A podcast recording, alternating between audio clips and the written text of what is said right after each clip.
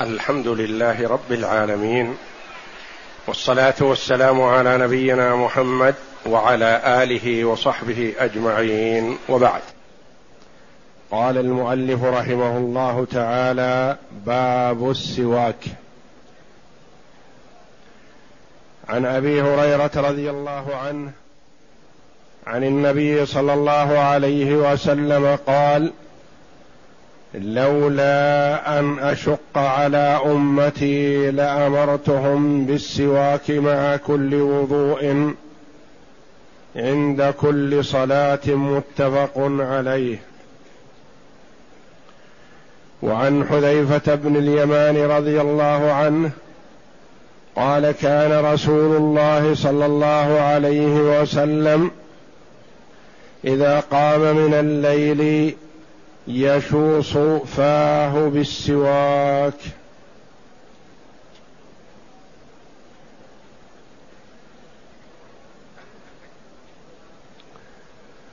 هذا الباب باب السواك.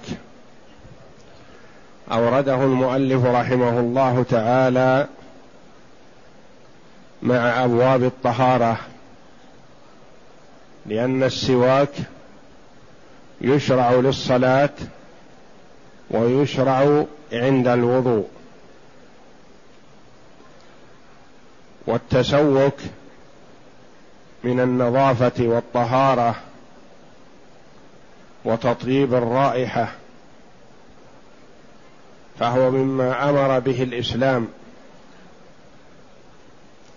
وحث النبي صلى الله عليه وسلم على السواك. والسواك اسم للعود الذي يتسوك به. يقال له سواك. واسم للفعل.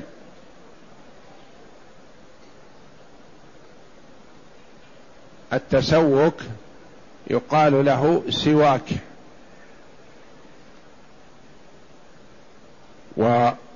والتسوك دلك الأسنان واللثة بالسواك. وهو يطلق على ما يتسوك به سواء كان من أراك أو من غيره. لكن الأراك هو أفضل ما يتسوك به.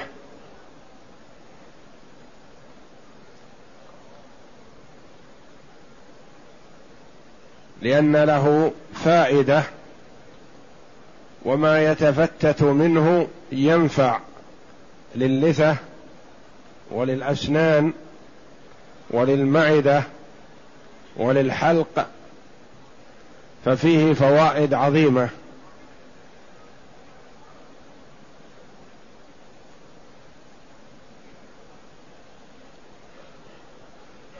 عن أبي هريرة رضي الله عنه عن النبي صلى الله عليه وسلم قال لولا أن أشق على أمتي لأمرتهم بالسواك. فهو صلى الله عليه وسلم لما يعلم من فوائد السواك ونفعه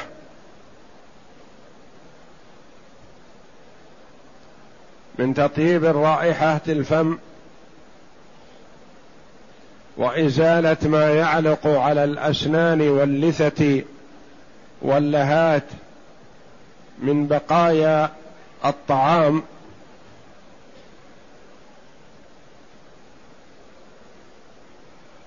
رغب فيه صلى الله عليه وسلم ورغب فيه الأمة وأحب أن يفرضه لكنه صلى الله عليه وسلم منعه من ذلك خشية المشقة. فهو صلى الله عليه وسلم يترك بعض الأفعال التي يحبها خشية أن يشق على أمته. فهو كما وصفه الله جل وعلا رؤوف رحيم بالأمة صلوات الله وسلامه عليه. فلولا أنه خشي من المشقة لأمرهم بالسواك. وهذه العبارة تكفي للمؤمن في أن يبادر إلى السواك وأن يواظب عليه. لعلمه أن النبي صلى الله عليه وسلم يحبه ويحب أن تفعله الأمة لكنه لم يوجبه عليهم صلى الله عليه وسلم لئلا يشق عليهم خشية أن لا يتيسر لهم في كل وقت فيكون ذلك فيه مشقة.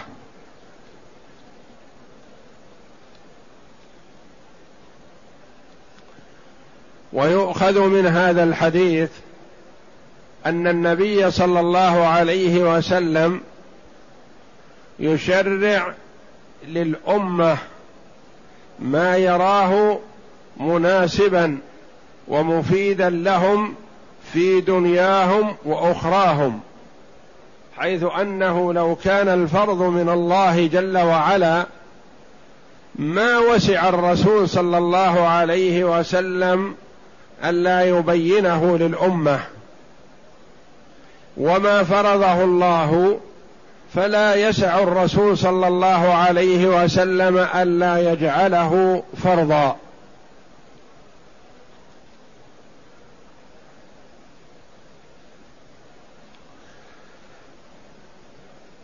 ويؤخذ من هذا الحديث استحباب السواك. وتأكد ذلك في جميع الأوقات لأنه قال عليه الصلاة والسلام عند كل صلاة ومن المعلوم أن صلاة العصر وصلاة الظهر وصلاة الفجر تكون بعد لزوم الصائم صيامه. بعد الإمساك فهي حينئذ واقعة في وقت الصيام والصيام وهي والسواك مأمور به في الصلوات. وفي هذا دليل للجمهور أنه يستحب في كل وقت خلافا للشافعية فإنهم يرون عدم استحباب السواك للصائم بعد الزوال. وهذا الحديث حجة عليهم لا لهم.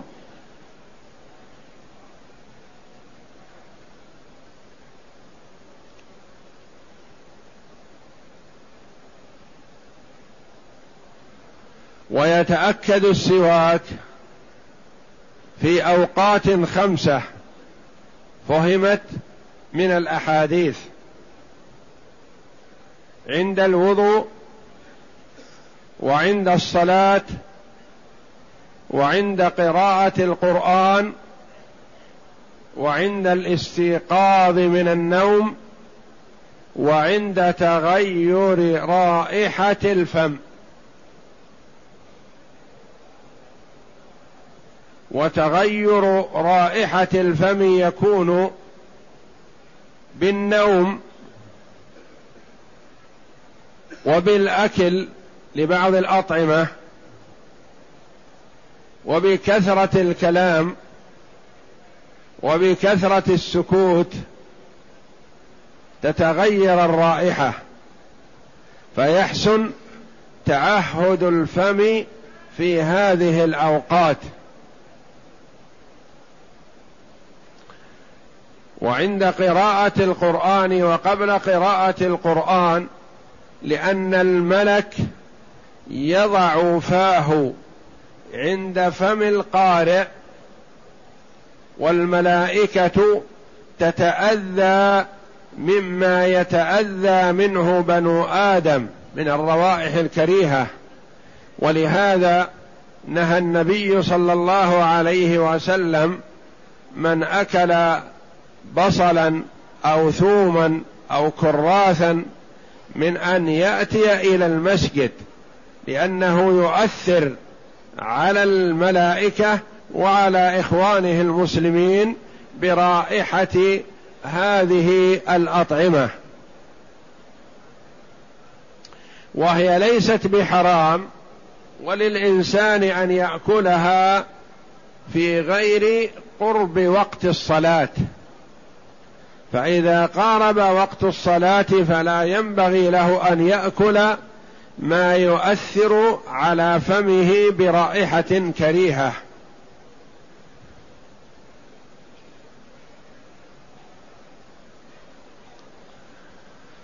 والصلاة بسواك تتميز عن صلاة بلا سواك كما يتميز الوضوء بسواك على وضوء بدون سواك.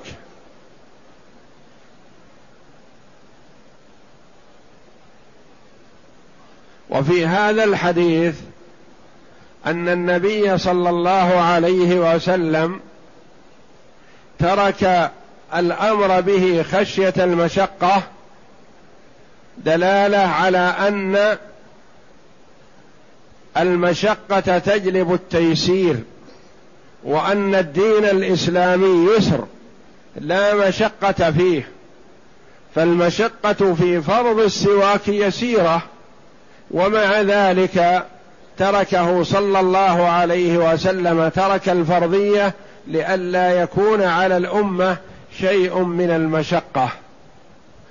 وتعاليم الإسلام كلها سهلة سمحة بحمد الله.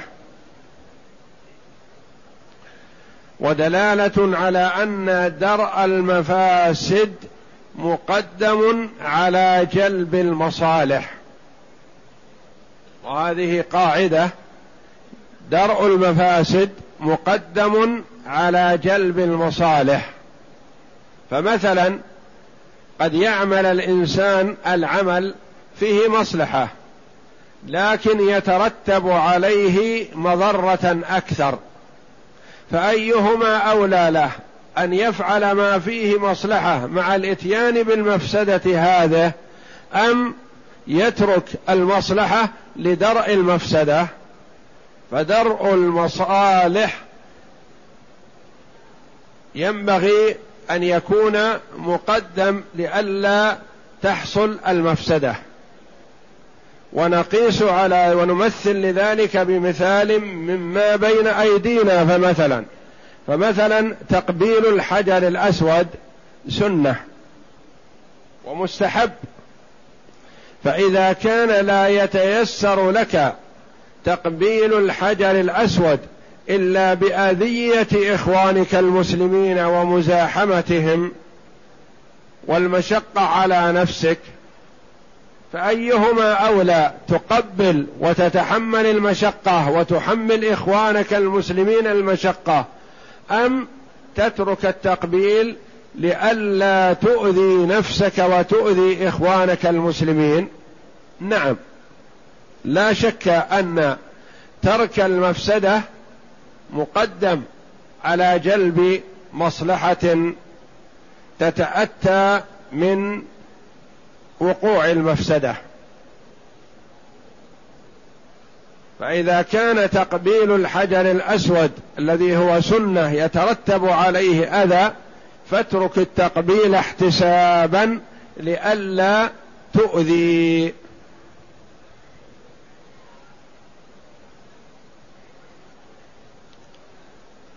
الحديث الثاني عن حذيفة بن اليمان رضي الله عنه قال كان رسول الله صلى الله عليه وسلم يشوص فاه بالسواك. قال المؤلف معناه يغسل ويدلك. يقال شاصه يشوصه وماصه يموصه إذا غسله. من محبة النبي صلى الله عليه وسلم للرائحة الطيبة وحذره مما يوجد الرائحة السيئة لأنه يناجي الملائكة ويخاطبهم ويخاطبونه صلى الله عليه وسلم ويناجي الله جل وعلا فلذا حرص على الرائحة الطيبة فكان حال استيقاظه من النوم يبادر. بطبيعة الحال أن النوم يؤثر على رائحة الفم. فأثناء النوم تتغير رائحة الفم. والنوم لا غنى للإنسان عنه. اذا ما علاج ما يحصل من الرائحة أن يبادر بالسواك. فكان إذا استيقظ من النوم بادر بالسواك. وسواء كان هذا الاستيقاظ من أجل الصلاة أو لغير الصلاة. فإذا استيقظ بادر صلى الله عليه وسلم بدلك أسنانه بالسواك. فيؤخذ من هذا الحديث تأكد مشروعية السواك بعد النوم للسبب الذي عرفنا. تأكد مشروعية السواك عند كل تغير رائحة للفم. استحباب النظافة والحرص عليها دائما وأبدا حتى بعد الاستيقاظ من النوم مباشرة.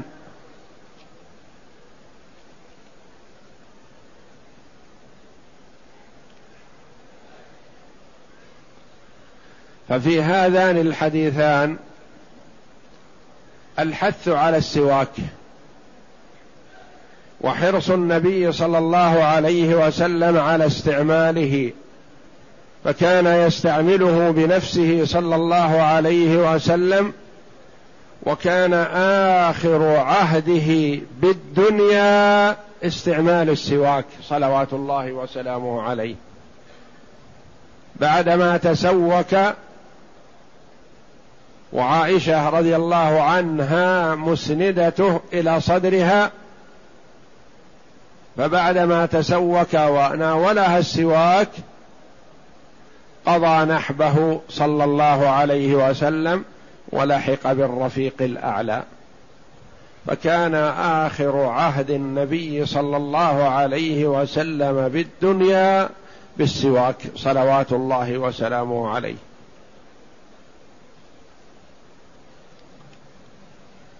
وشفقة النبي صلى الله عليه وسلم على الأمة وحثه عليها وحثه إياها على ما ينفعها في دينها ودنياها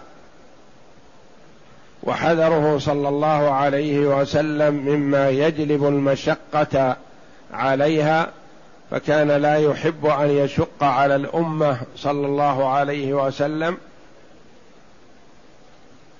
وسهولة هذا الدين ويسره وأن الإسلام يأمر بالنظافة والأخلاق الفاضلة وتحاشي ما يؤثر على الآخرين عند المخاطبة. والله أعلم وصلى الله وسلم وبارك على عبده ورسول نبينا محمد وعلى آله وصحبه أجمعين.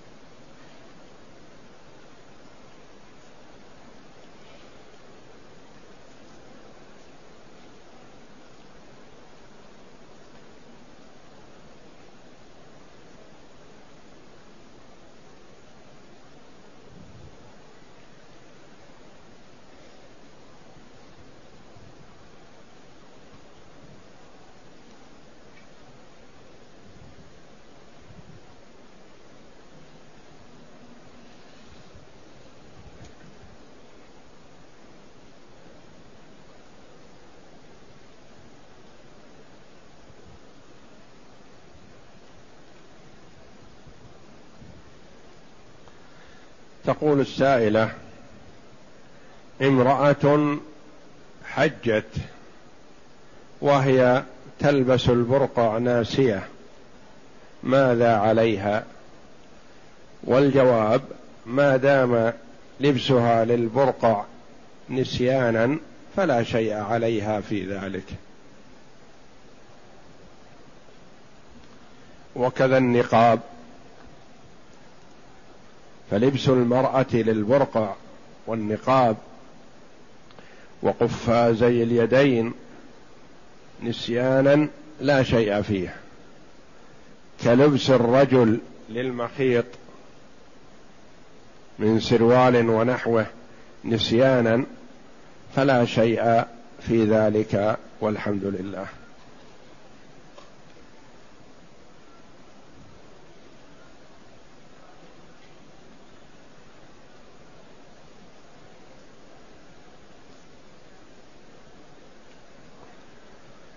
يقول لقد صعدت جبل عرفات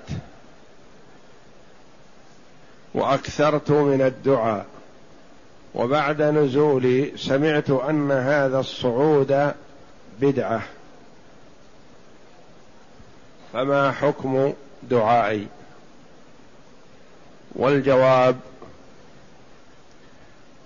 إذا كنت صعدت الجبل بنية التقرب إلى الله جل وعلا بهذا الصعود فهذا لا يجوز. وعليك أن تستغفر ودعاؤك صحيح إن شاء الله. وأما إذا كان صعودك لا على سبيل التقرب إلى الله وإنما على سبيل النظر أو الارتفاع على هذا الجبل لترى الناس ونحو ذلك فلا بأس بذلك. لأن المرء إذا فعل الشيء بنية التقرب إلى الله فإن كان مشروعا فحسن وإن كان غير مشروع فيعتبر بدعة. وأما إذا فعل الشيء غير المشروع لا على أنه يتعبد الله بذلك وإنما لمجرد الاطلاع فقط. والنظر في هذا الشيء فلا بأس بذلك. مثاله مثلا الوقوف على غار حراء وغار ثور وجبل النور ونحو ذلك.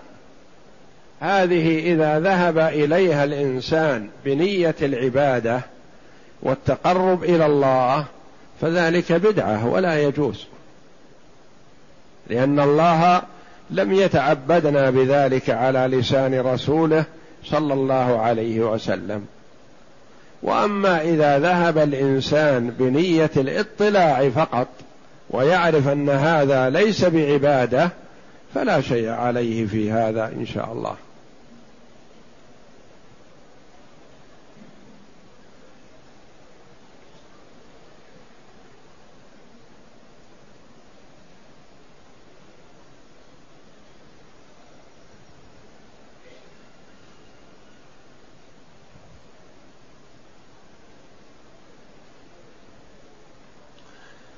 يقول إذا أذن المؤذن لصلاة الفجر وأنا في المنزل هل أصلي تحية المسجد سنة الفجر في المنزل؟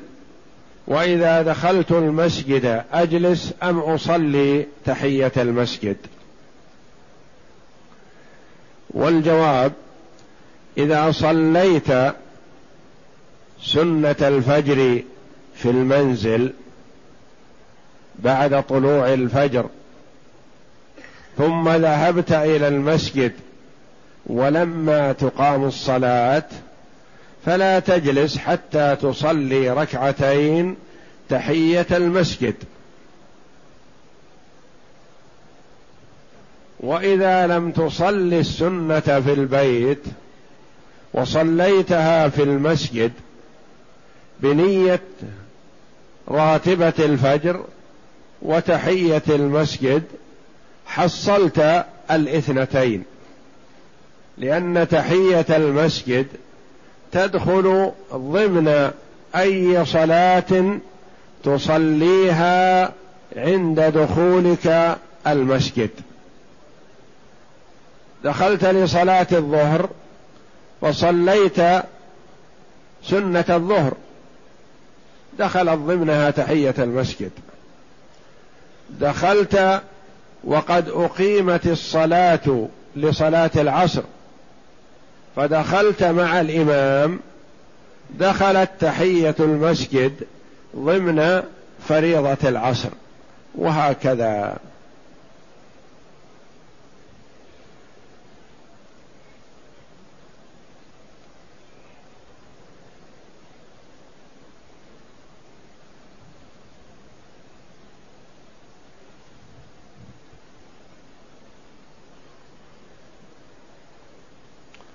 يقول الذي حج من أهل مكة ثم جاء إلى مكة في يوم العيد أو أو ثاني أيام العيد وجلس في مكة هل يتم صلاته أم يقصرها؟ لا هذا يتم الصلاة. لا يقصر الصلاة وهو في مكة. إنما الذي قدم إلى مكة هو الذي يقصر الصلاة في منى وفي مكة وفي عرفة ما دام لم ينو إقامة أكثر من أربعة أيام.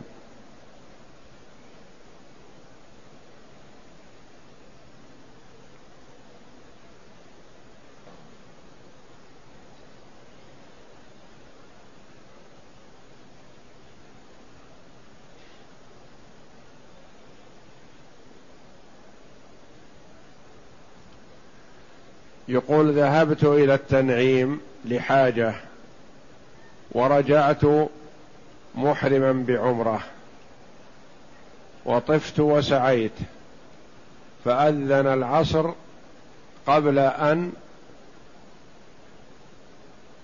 أحل وما زلت في الإحرام.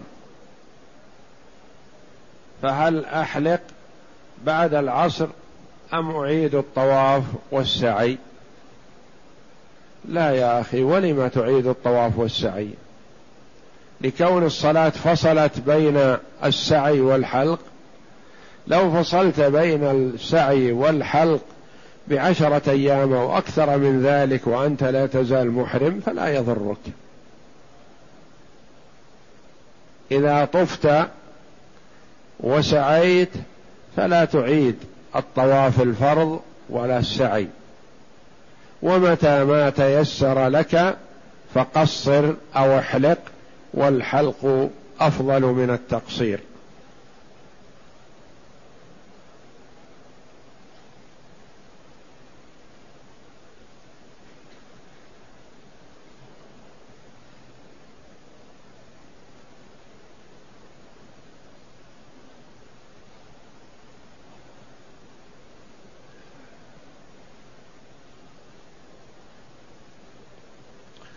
يقول معي عجوز كبيرة في السن ومريضة وليس لنا مال حتى نستأجر عربة للطواف فهل يجوز لي أن أطوف عنها طواف الوداع؟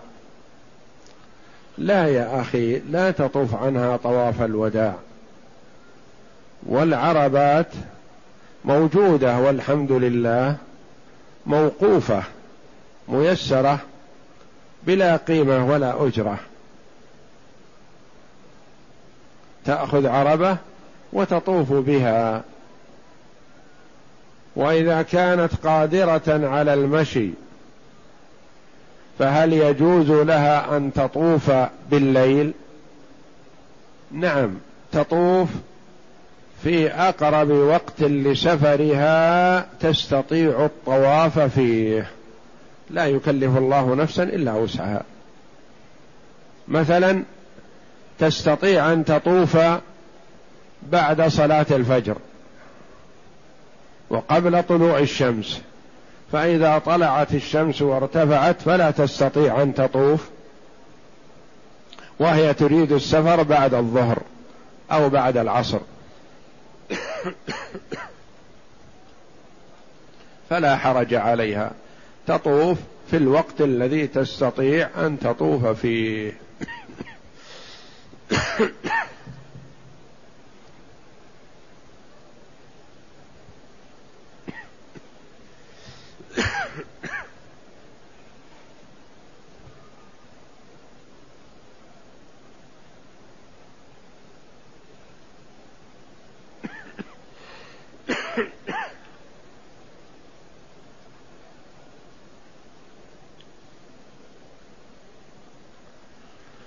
يقول فضيلة الصلاة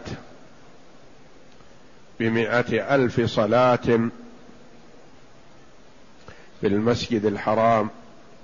هل المراد المسجد هذا الذي فيه الكعبة شرفها الله؟ أم سائر مساجد مكة؟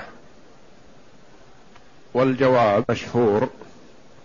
أن المراد سائر مساجد مكة والحمد لله.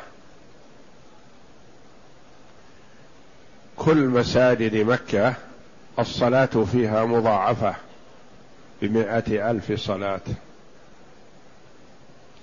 لأن الله تعالى سمى مكة كلها المسجد الحرام. فقال تعالى سبحان الذي أسرى بعبده ليلا من المسجد الحرام إلى المسجد الأقصى. وقال تعالى عن المسجد الحرام ومن يرد فيه بإلحاد بظلم نذقه من عذاب أليم. فإذا أراد الظلم بمكة ولو لم يكن داخل المسجد الحرام فهو متوعد بهذا الوعيد الشديد. وقال بعض العلماء المراد المسجد الذي فيه الكعبة هذا. ولكن قول الجمهور ولعله الراجح إن شاء الله أن الصلاة في سائر مكة مضاعفة. ومن الأدلة على هذا أن النبي صلى الله عليه وسلم لما قدم مكة في حجة الوداع طاف وسعى ونزل خارج مكة بالأبطح. وأخذ صلى الله عليه وسلم يصلي بأصحابه الصلوات هناك. فلو كانت الصلاة هناك بواحدة والصلاة في المسجد الحرام في المسجد هذا بمئة ألف صلاة ما كان النبي صلى الله عليه وسلم ليصلي بأصحابه هناك ويحرمهم من مئة ألف صلاة.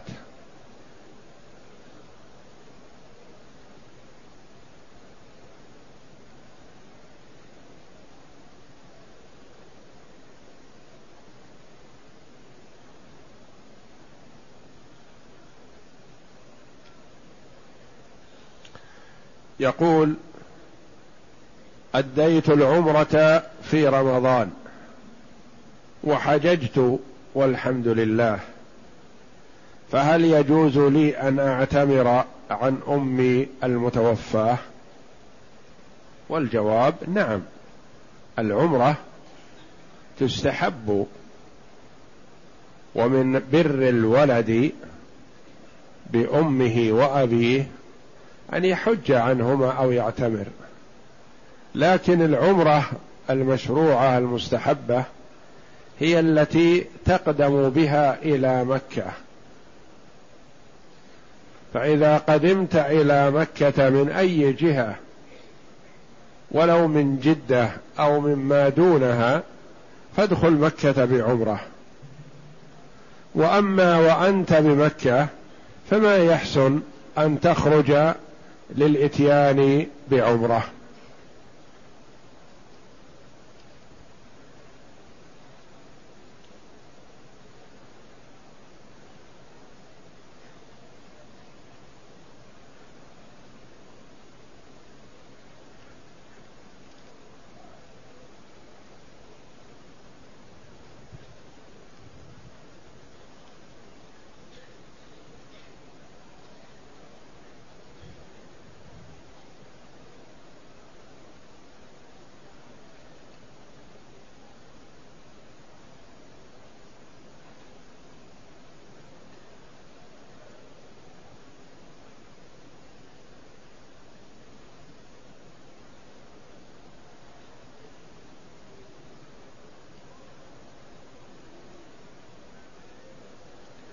يسأل عن وقت صلاة الوتر. وقت صلاة الوتر من بعد صلاة العشاء ولو مجموعة مع المغرب إلى طلوع الفجر. كل هذا وقت لصلاة الوتر. وتقول عائشة رضي الله عنها من كل الليل اوتر رسول الله صلى الله عليه وسلم. من أوله وأوسطه وآخره وانتهى وتره إلى السحر. انتهى وتره إلى السحر. وأفضل وقته آخر الليل لمن وثق من نفسه القيام. وأما من خاف ألا يقوم فالأفضل في حقه أن يوتر قبل أن ينام. ثم إذا أوتر قبل أن ينام ونام ثم استيقظ قبل الفجر فلا يمنعه وتره عن الصلاة. فيصلي ما تيسر له بلا وتر لأن الوتر قد تقدم فلا يعيد الوتر مرة أخرى. والنبي صلى الله عليه وسلم كان يواظب على الوتر لا يتركه لا حضرا ولا سفرا. وكان إذا مرض أو كسل صلى قاعدا صلوات الله وسلامه عليه. كان يترك كثيرا من النوافل في سفره صلى الله عليه وسلم سوى الوتر وركعتي الفجر. كان لا يتركهما في الحضر والسفر. فتستحب المواظبة عليهما. وأقل الوتر ركعة. ولا حد لأكثره. فمثلا لو كان جمع المغرب والعشاء في وقت المغرب ممن يسوغ له الجمع ثم صلى ركعة واحدة بعد العشاء بنية الوتر يعتبر أوتر. ولا حد لأكثره لو أوتر بواحد وثلاثين ركعة. أو بثلاث وثلاثين ركعة. أو بسبع وثلاثين ركعة. أو أكثر من ذلك أو أقل فله ذلك. والأفضل أن يواظب على إحدى عشرة ركعة أو ثلاث عشرة ركعة.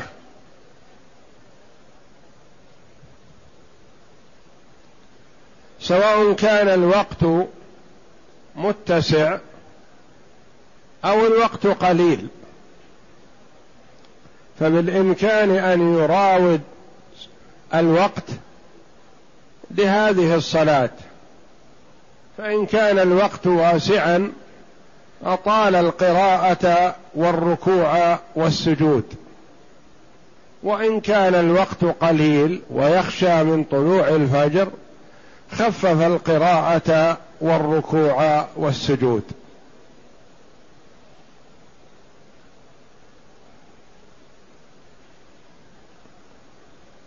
فبإمكانه أن يصلي إحدى عشرة ركعة في ربع ساعة مثلا وبالإمكان أن يصليها بأربع أو خمس ساعات. فالنبي صلى الله عليه وسلم قرأ في ركعة سورة البقرة والنساء وآل عمران في ركعة واحدة.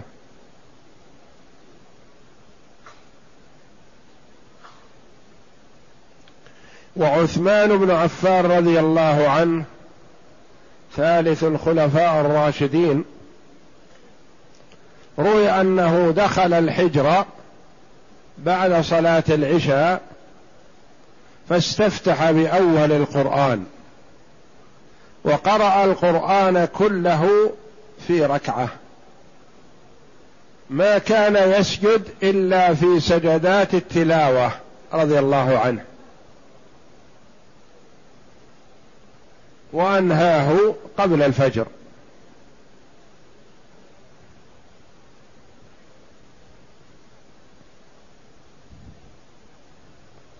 قرأ القرآن كله في ركعة رضي الله عنه. وقد قال النبي صلى الله عليه وسلم عليكم بسنتي وسنة الخلفاء الراشدين من بعدي. فهو رضي الله عنه ثالث الخلفاء الراشدين.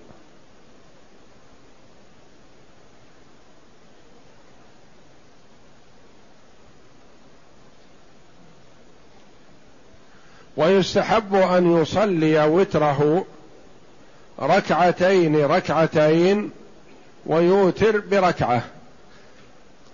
يعني إذا أوتر بإحدى عشره مثلا أن يصلي ركعتين وركعتين وركعتين وركعتين وركعتين ويؤتر بالحادية عشرة. لقوله صلى الله عليه وسلم صلاة الليل وفي رواية والنهار مثنى مثنى. فيصلي المرء ركعتين ركعتين ويسلم. وإن أوتر بثلاث بسلام واحد أو بخمس بسلام واحد أو بسبع بسلام واحد أو بتسع بسلام واحد صح.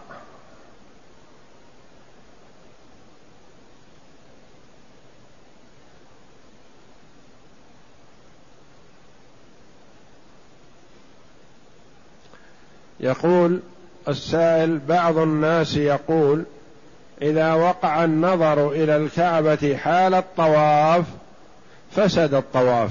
هل هذا صحيح؟ لا يا أخي هذا ما هو صحيح.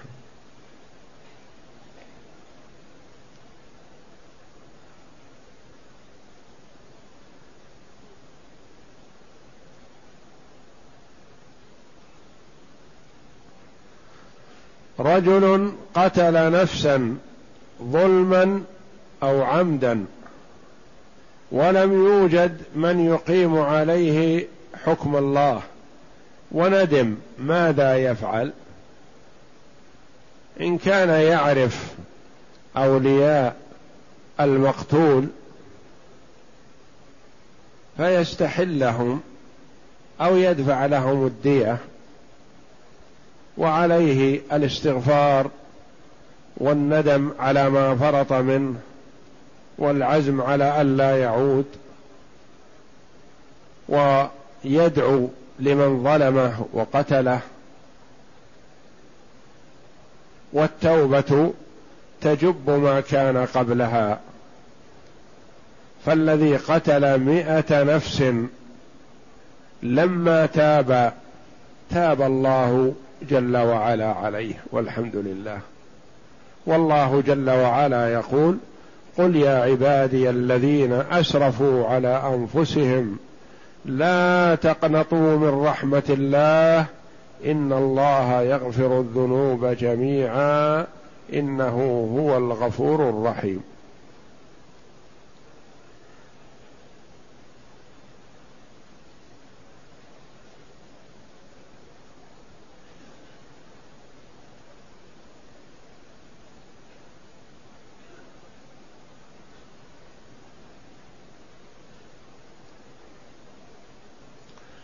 يقول عند وفاة الرسول صلى الله عليه وسلم كيف نطق بالشهادة؟ عائشة رضي الله عنها تروي ساعة وفاته رضي الله عنه ولحظة وفاته عليه الصلاة والسلام ورضي الله عنها تقول بعدما ناولته السواك تسوك تسوكا ما رأيت أحسن منه. ثم أشار بأصبعه وقال في الرفيق الأعلى.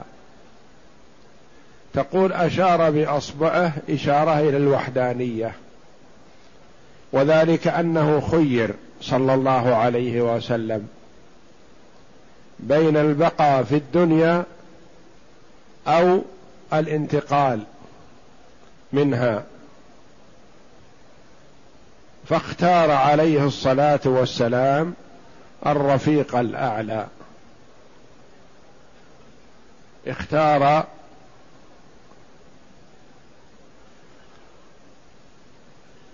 الانتقال من الدنيا عليه الصلاة والسلام.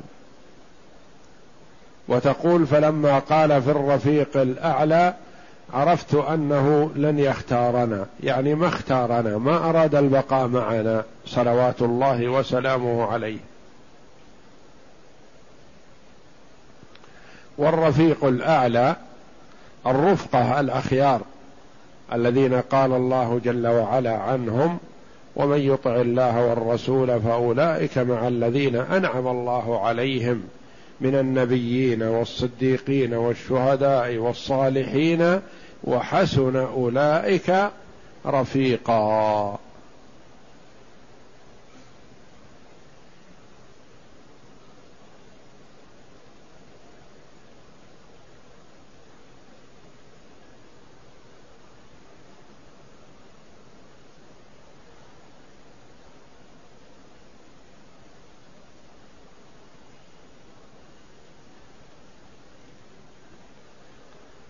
معنى قوله تعالى الجار ذي القربى والجار الجنب والصاحب بالجنب. الجار ذي القربى يعني الجار القريب الذي تربطك به قرابة. جار وأخ أو جار وعم أو جار وابن عم وهكذا. والجار الجنب قيل المراد به الجار الذي لا تربطك به قرابة وقيل الجار الكافر. فالجار الكافر له حق حق الجوار وإن كان كافرا. والصاحب بالجنب قيل الرفيق في السفر وقيل الزوجة.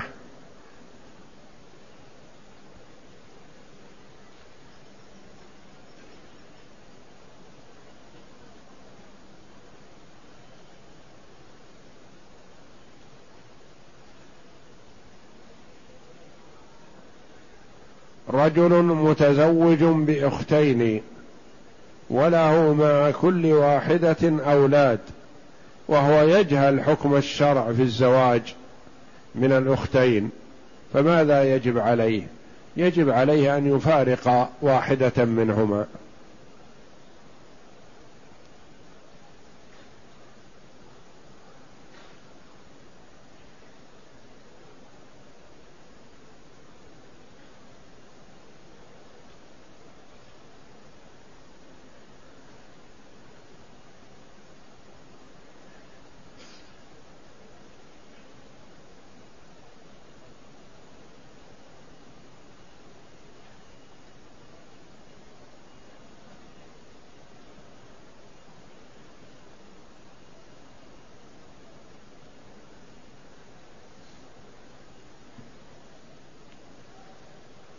يقول وردت عبارة وقاطع الطريق والسارق والبطاط والخائن. ما المراد بالبطاط؟ البطاط الذي يبط الجو الجيب ليأخذ مما فيه بدون علم صاحبه يعني أنه ملحق بالسارق.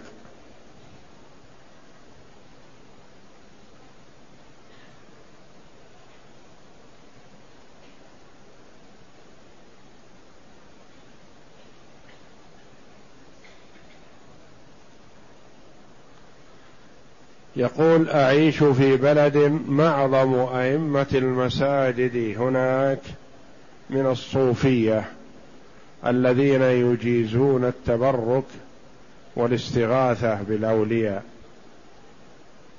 هل تجوز الصلاة خلفهم؟ لاحظ يا أخي أن كلمة الصوفية كلمة عامة. تطلق الصوفية على المتعبد. فاصل وضعها كانت على الذين يلبسون الصوف يألفون الخشونة من اللباس ولا يريدون التنعم زهدا في الدنيا.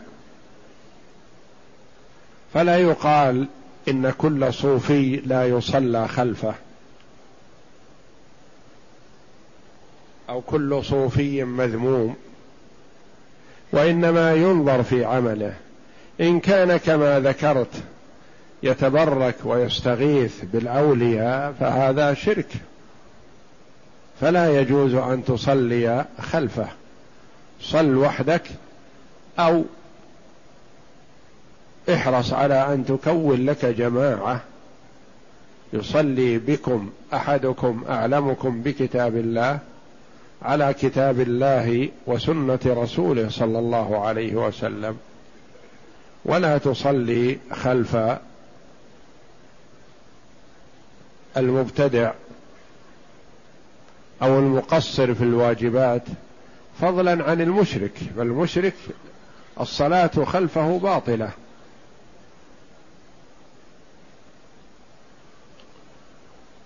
وإذا كان الإمام عنده شيء من البدع أو من المعاصي فلا تصلي خلفه إلا لضرورة. لم تجد غيره. وحاول أن توجد من نفسك ومن إخوانك. أناس يصلون على السنة والجماعة. ليكون عملك مبرورا مقبولا عند الله جل وعلا. والمسلم يحرص على أن يكون له أثر ونفع. لا يكون نفعه محصورا عليه.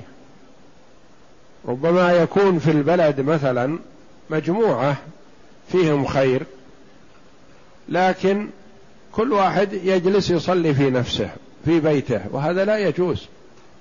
بل يجب علينا أن يتصل بعضنا ببعض ويناصح بعضنا بعض ونجتمع لصلاة الجماعة ولو تباعدت أماكننا من أجل إظهار شعائر الدين.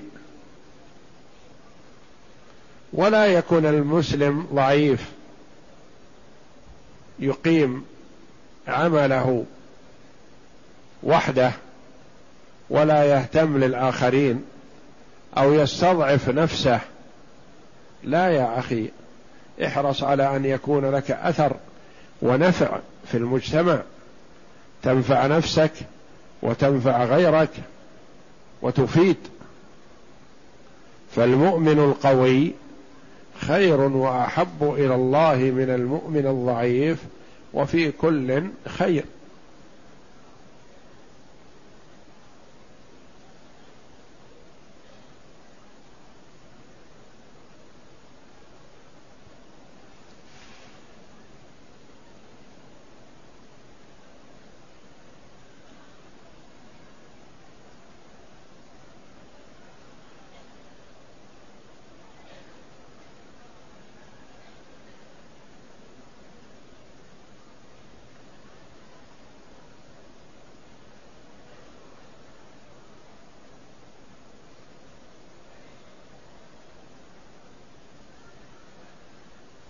يقول تكلم بكلام فاحش قبل أن يطوف طواف القدوم. هل يؤثر على عمرته؟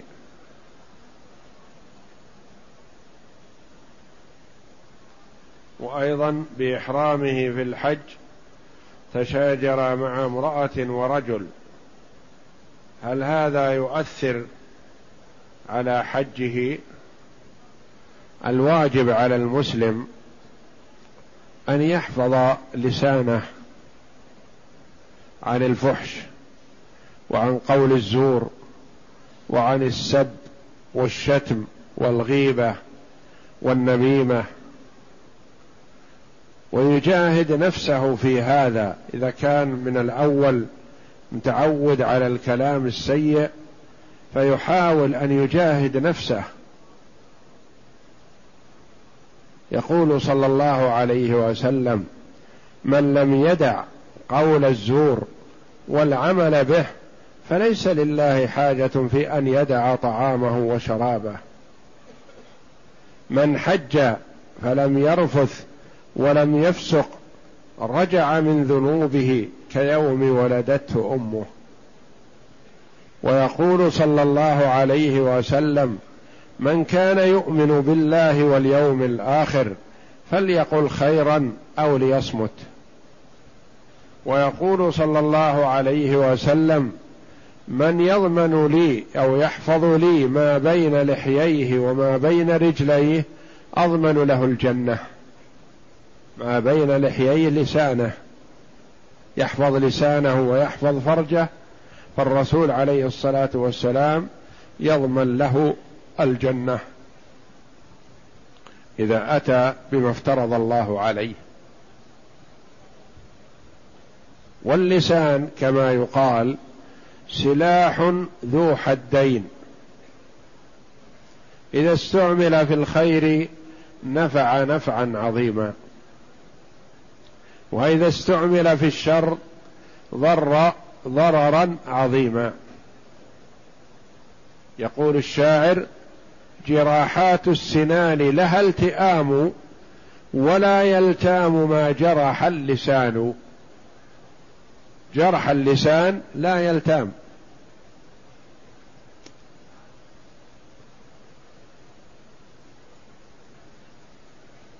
وقيل للقمان الحكيم اذبح شأة وأتنا بأحسن مضغتين فيها. باطيب مضغتين فيها. فذبح شاة وأتى بالقلب واللسان. ثم قيل له اذبح شاة أخرى وأتنا بأخبث مضغتين فيها. فذبحها وأتى بالقلب واللسان. فقيل له في ذلك طلبنا منك الأطيب فجئت بالقلب واللسان. وطلبنا منك الأخبث فجئت بالقلب واللسان. فقال إنه ليس هناك شيء أطيب منهما إذا طابا. ولا شيء أخبث منهما إذا خبثا. فاللسان إذا استعمل في الذكر وقراءة القرآن والأمر بالمعروف والنهي عن المنكر وتعلم العلم وتعليمه. نفع نفعا عظيما. وأوصل صاحبه إلى الدرجات العلى والنعيم المقيم. وإذا استعمل في السب والشتم والغيبة والنميمة ضر ضررا عظيما. يقول النبي صلى الله عليه وسلم لمعاذ بن جبل رضي الله عنه ثكلتك أمك يا معاذ وهل يكب الناس في النار على وجوههم أو قال على مناخرهم إلا حصائد ألسنتهم؟ ما الذي يوصل المرء إلى النار ويكبه على وجهه في النار إلا ما يجني لسانه والعياذ بالله. وإن الرجل لا يتكلم بالكلمة من سخط الله لا يظن أن تبلغ ما بلغت يهوي بها في النار سبعين خريفا. الكلمة الطيبة لها أثر عظيم والكلمة السيئة لها أثر سيء عظيم. وعليك أخي الذي تكلمت بالفاحش قبل الطواف وفي أثناء الحج أن تستغفر الله جل وعلا وأن تتوب إليه وأن تكثر من ذكر الله والتسبيح والتحميد وتقرأ ما تيسر معك من القرآن نظرا أو حفظا وأصدق في توبتك إلى الله جل وعلا عما سلف منك ولا تيأس فالله جل وعلا يتوب على من